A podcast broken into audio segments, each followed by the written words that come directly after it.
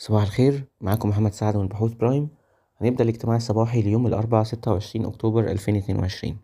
امبارح كان انتهى المؤتمر الاقتصادي بعد تلات أيام من الفعاليات اللي بدأت يوم الأحد.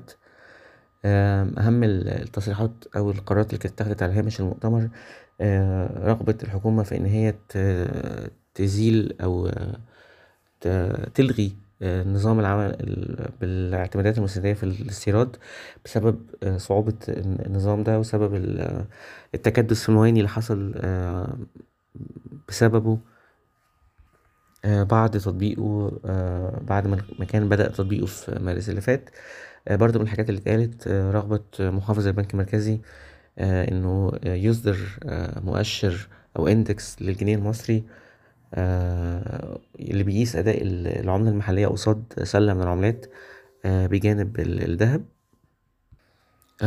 وبرضه المؤتمر كان فيه الحديث عن إن الحكومة بتضع اللمسات الأخيرة على ال state ownership policy اللي هي بتحدد إزاي هيكون في أو بتهدف إن يكون في مشاركة أكتر مع القطاع الخاص.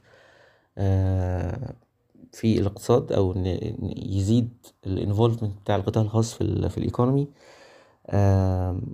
وبشكل عام يعني ال private public partnership أو المشاركة ما بين القطاع الخاص والعام كانت محور حديث مهم خلال المؤتمر بجانب تشجيع الصناعة المحلية وتحسين أداء الصادرات. من أخبار الشركات مساهمين شركات الدخان كانوا وافقوا على توزيع نقدي بقيمة جنيه وستين قرش. ده معناه عائد توزيعات يعتبر كبير أربعتاشر في المية.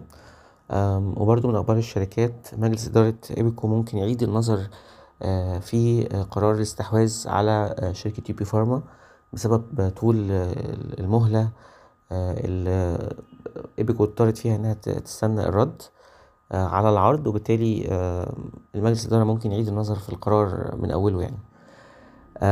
برضو من أخبار الشركات التنمية اللي هي ذراع تمويل متناهي الصغر ل EFG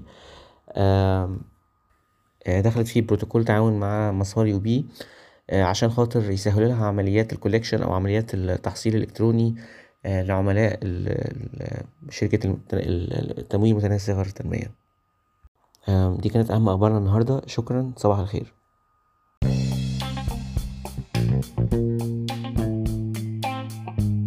يرجى العلم أن هذا العرض هو لأغراض معرفية فقط ولا يمكن اعتباره عرض أو توصية شراء أو بيع أو إدارة استثمارات أو خدمات استشارية. ينصح باستشارة مستشارك المالي قبل اتخاذ أي قرار استثماري. الأداء التاريخي ليس مؤشرا يعتمد عليه لتحديد الأداء في المستقبل.